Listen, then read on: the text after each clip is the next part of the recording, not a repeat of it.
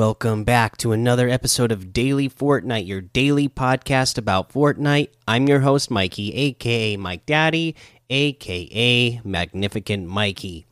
So, today we have a couple of hot fixes to talk about. First up, we'll mention the Save the World uh, hot fix because we don't want to leave those players out. So, we've released a Save the World hot fix adjusting the following Ventures modifiers. The super tough monsters deal less environmental damage and have reduced movement speed. Lobbers, flingers, and pitchers have been temporarily removed from the super ranged modifier. So, there is your Save the World hot fix update. And then uh, we have our Battle Royale update, of course. We've released a hot fix adjusting. The Recycler now harvests ammo faster and does more damage to structures. So now you can uh, harvest ammo for it faster, which is great uh, because it was kind of slow before. I mean, we took we we gave you the tip to weaken something so you can both uh, get materials and uh, get ammo from it, but now it just harvests that much faster. So, you know, if you need to get something in a pinch, if you're out of ammo and you're in the middle of fighting an enemy and there's something close by that you can harvest, uh, you'll be able to get ammo for it pretty quick. And then the primal shotgun damage reduced and pull out time increased. Okay, so it's actually a pretty significant nerf. Let's go ahead and run the numbers. So the common now only does 45. The uncommon does 47, the rare does 50, the epic does 52, the legendary does 55, and the mythic does 57. So that is quite a drastic change from what it was before. Uh, the pullout time being a little bit slower, those are all great nerfs to help make this weapon a little bit more balanced. But still, I mean, this thing is still strong. If you got uh, you know, if you set, especially if you got a purple gold or if you have the mythic, then you're you're still going to be running it because it is uh, just the mechanic of how the thing shoots is is making it powerful. I mean, it makes it super easy to hit opponents, especially when you are, uh, you know, right in their face. It's just going to make it easy to still do a ton of damage and, and, and do it quick. So uh, I wouldn't uh, worry about you know not running this uh, while you are uh, while you're playing the game. It's it's it's the change is still not going to be enough to make you go. Uh, I'm not going to run a primal shotgun anymore. Uh, that's still probably going to be. Uh, like I said, especially if you got purple gold or the mythic, that's going to be your main shotgun. I mean, I can understand if you had, you know, a gray, green, or blue, you might want to think about, you know, going with a, uh, with a pump. But uh, you know, it's just going to be all up to your feel. You know, if you're somebody who still isn't, uh, ha you know, you still don't have great aim with the pump, no matter what uh, level it's at, whether it's, you know, a gray or if you have a gold, if you just don't have that aim, you might just be somebody who says, you know what, the primal shotgun, no matter what rarity it is, is what I'm running. Uh, but yeah, that's the changes to uh, the recycler and the uh, Primal Shotgun. So there you go. Uh, let's see here. What other news do we have today? Uh, the Llama Rama is getting ready to end. So hopefully, you guys got in uh, uh, Rocket League and finished those challenges so that you can get all the rewards for that. And then the other piece of news we have is a competitive uh, blog and update. So let's go ahead and get to that. Let's see here. Uh FNCS Chapter 2 Season 6 schedule and details. Uh, hey competitors, we're only a couple of weeks away from the return of FNCS while most of this season will feel familiar. We've got some updates we want to share with all of you. Let's jump right into all the details. So we have the FNCS schedule. Here's our planned schedule for FNCS from the first qualifier all the way through the finals. Qualifier 1 uh, let's see here. For Middle East, will be April 22nd through 24th. Uh, everywhere else will be the 23rd through 25th. Qualifier 2 for Middle East will be April 9th through May 1st, and everywhere else will be April 30th through May 2nd. For Qualifier 3, Middle East will be May 6th through 8th, and all other regions will be May 7th through 9th. Uh, there will be a bye week uh, the week after that for May 13th through 16th. And then we'll get to the semifinals, which will be Middle East May 21st, and all other regions will be May 22nd. The reboot round will be Middle East on May 22nd, and everywhere else will be May 23rd. And then the finals. Uh, for Middle East will be May 28th through 29th, and all other regions will be uh, May 29th through the 30th. The prize pool, $3 million, are once again up for grabs in this season's prize pool with one cross platform player pool per region. Here's the full breakdown. So EU is 1.35. NA East is uh, 690,000. NA West is 300,000, as same as uh, Brazil. Asia has 150,000. Middle East 120,000, and Oceania is 90,000 for the format. We've made a slight we've made slight adjustments to this season's qualification format. As a reminder, teams that placed first, second, or third in last season's Chapter 2 Season 5 FNCS for the respective region already qualify into finals for Chapter 2 Season 6 and cannot participate in the qualifiers or semifinals. No, if those teams wish to disband before the start of FNCS, all three members of the trio must fill out the official disband form by April 19th. Uh, quick highlights: A full breakdown of each can be shown can be found below. So, top three teams from each qualifier will skip semifinals and directly advance to finals. All other teams earn series points for the opportunity to do to advance to semifinals. All regions will have three heats instead of four last season in semifinals, and the heats will be played on the same day. Reboot round is expanded and will have at a minimum three matches and up to six matches total.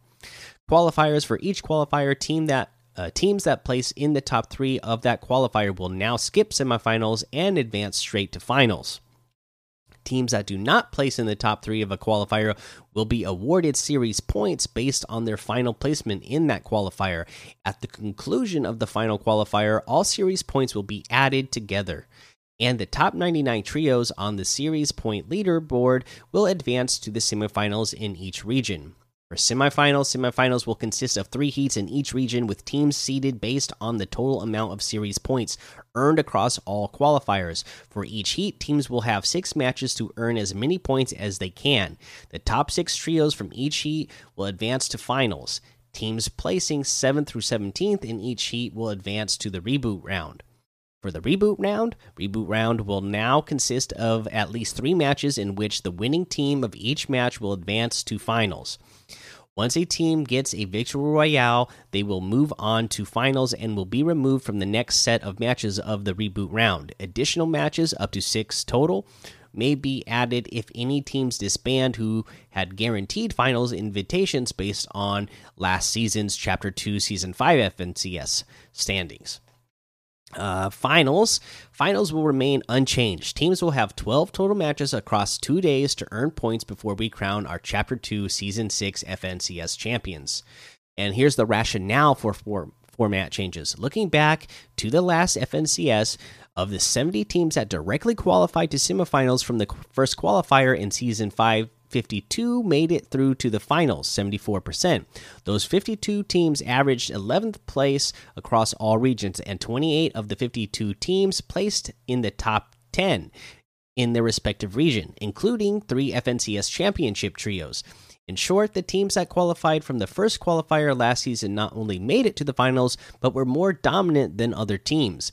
Like last season, prizes will be allocated for every team that make it to the finals to ensure that standout performances from the qualifiers or the previous seasons are rewarded. We've also adjusted series points reward values at the end of each individual qualifier, which we hope will facilitate a more competitive experience in the qualifiers. So I like that they gave the rationale there, and even gave us uh, the the statistics of the reasoning there. So uh, I appreciate that they uh, not only made those changes but gave the rationale for it. Uh, and then scoring based on player feedback on last season's point format, we've made adjustments for single lobby rounds. We've decided to award points more evenly across the top and at pivotal points during a match. Specifically, teams that make it past Storm Surge thresholds will be rewarded as these are more difficult placement thresholds.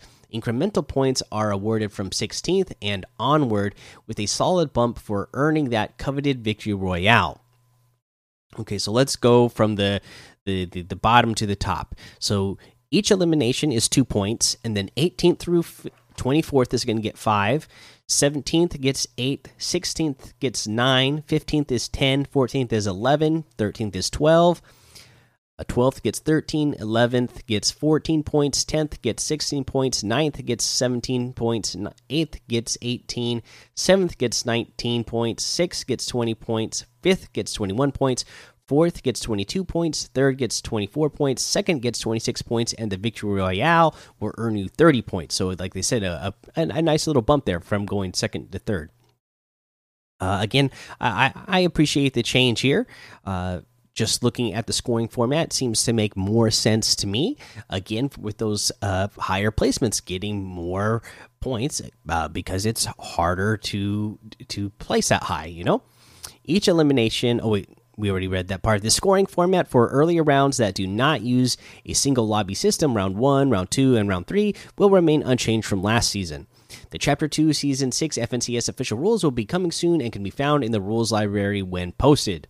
And then, finally, the FNCS All Star Showdown. The competition continues after Chapter 2 Season 6 FNCS with the FNCS All Star Showdown on June 23rd through 26th. The main event will be a solo tournament featuring the top players in each region from the past two FNCS tournaments. The top 15 teams from Chapter 2 Season 5 FNCS and the top 15 teams from Chapter 2 Season 6 FNCS will receive invitations to FNCS All Star Showdown for a total of 90 players competing to determine who is the best player in their region. This means that half of the field is already set, so there's even more on the line for Chapter 2 Season 6 FNCS. If some teams or players place in the top 15 in both seasons, we'll invite additional teams to fill the open spots based on consistency. Teams with the highest average performance between season 5 and season 6 will receive an invitation to fill those potential extra slots. A handful of invited players will also have the opportunity to compete as individuals in creative mode skills challenges during the days leading into solo championship. The FNCS All Star Showdown will have a total combined prize pool of $3 million across all events, with more details to come later this season. Stay tuned. We can't wait to see you compete in this season's FNCS. Remember to follow at FN Competitive on Twitter for all competitive updates. Uh, like they said there, that All Star Showdown sounds like it's going to be a great thing and just gives more incentive uh, to place highly because uh, you know that if you placed high last season in the top 15, uh, or if your team is going to place in the top 15 in this season, then uh, you're already going to get another guaranteed payday because you're going to automatically get pay, uh, invited to the All Star Showdown. So it's uh, you know makes the stakes that much higher, and I I think that makes it uh, pretty exciting to know that not only are those players playing in this season's FNCS, uh, you know, they're not just playing for that prize pool um, that's on the line, but they're also playing for the chance to uh, earn, uh, you know, more again in, in the All Star Showdown. So pretty cool stuff that they have going on in, in competitive right now, and can't wait to follow that this season and going forward, of course. Uh, let's see here. That's all we have for news. Let's go ahead and look at what we have in our uh, LTMs Rags to Riches duos, Shockwave trios, Tropical Zone Wars. Uh, let's see here Survival Simulator Desert and Team Rumble. And then uh, we have a new challenge list. So let's go over the challenges. Uh, four challenges this week. Uh, we have uh, deal damage with primal shot, uh, primal weapons. Sorry, uh, you got to start out with uh, 2,500 is will be the first set, and then you need to set structures on fire. Ten in total. Search chests. Seven. Eliminate opponents with weapons of rare rarity or higher. You need to shockwave wildlife using a shockwave grenade or bow. You just got to do it once.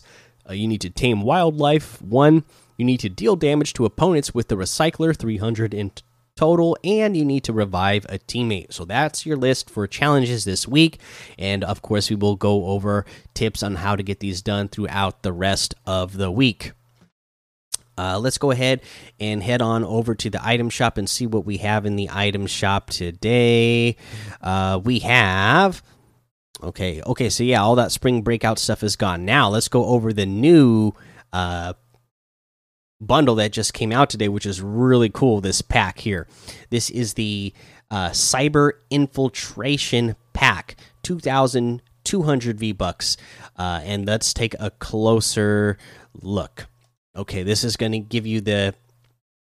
I actually don't know how to say this. Chigusa outfit journalist turned vigilante sworn to liberate the world from REM Corps' virtual prison, part of the REM Waker set. Okay, and if you didn't know, uh, this all this stuff is inspired by. Let's go ahead and figure out who uh, did this because they shouted it out on their social media. This was all inspired by Sunman at Sunman 41 45 66 59 on Twitter and uh, does a lot of artwork and in the anime style. So these are anime uh, outfits, anime skins. I'm sure some of you who are into leaks have seen these, and uh, they are they are now here. So we got uh, the Chigusa, the Chigusa outfit, the Watchful Wabbit back bling. Uh, big ears and multi spectrum vision mean Chigusa's avatar is always ready for the latest scoop, and it is a backpack that is clear and it's got uh, a mean looking uh, stuffed bunny in there that has a banana with it. We have the Megumi outfit, ex security guard, so inspired by the Wakers that she turned on her bosses to join the cause. Uh, we have the guard pup back bling. Megumi's avatar has seen its fair share of action, but it's still standing strong. And this is uh, a, puppy that's got a, a, sword in its mouth. Again, also has an eye patch. All of these avatars, I guess, have seen uh, quite a bit of action. And then we have the Yuki outfit. Through Though she seems sweet and shy, this expert hacker is the Waker's muscle inside the virtual world.